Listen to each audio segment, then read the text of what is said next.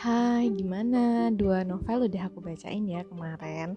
Nah, novel yang pertama kan uh, Klub Blimbing Mencari Meraih Bintang. Yang kedua kan Kikian Matchmaking. Nah, menurut kalian gimana tuh? Bagus nggak sih novel? Novel-novel yang aku bacain itu novel-novel karya Indonesia ya, karya penulis Indonesia.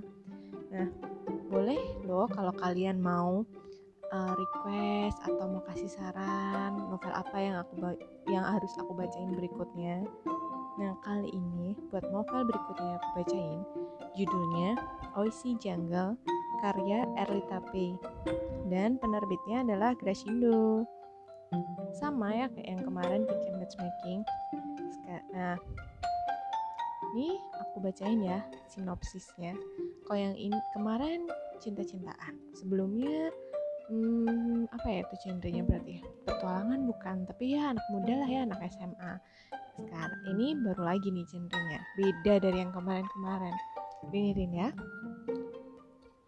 Terkadang kita memerlukan kehadiran wisatawan asing untuk bisa melihat dan menyadari keindahan negeri kita Demi menonton drama Kabuki di Kabukisa Tokyo, Sasha berusaha bersusah payah mewujudkan keinginan sekaligus menjawab tantangan Akiko, berpetualang ke tempat yang tidak akan terlupakan seumur hidup.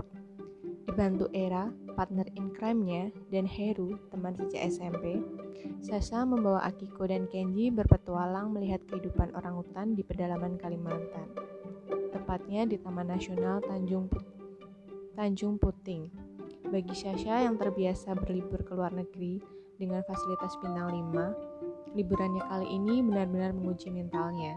Di Pulau Borneo semuanya serba berbeda.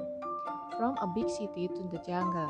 Apakah sebuah ikatan persahabatan akan mampu menjadi sumber energi bagi Sasha untuk mengatasi semua kesulitannya?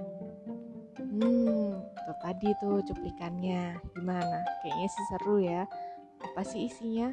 Tunggu ya episode berikutnya. thank you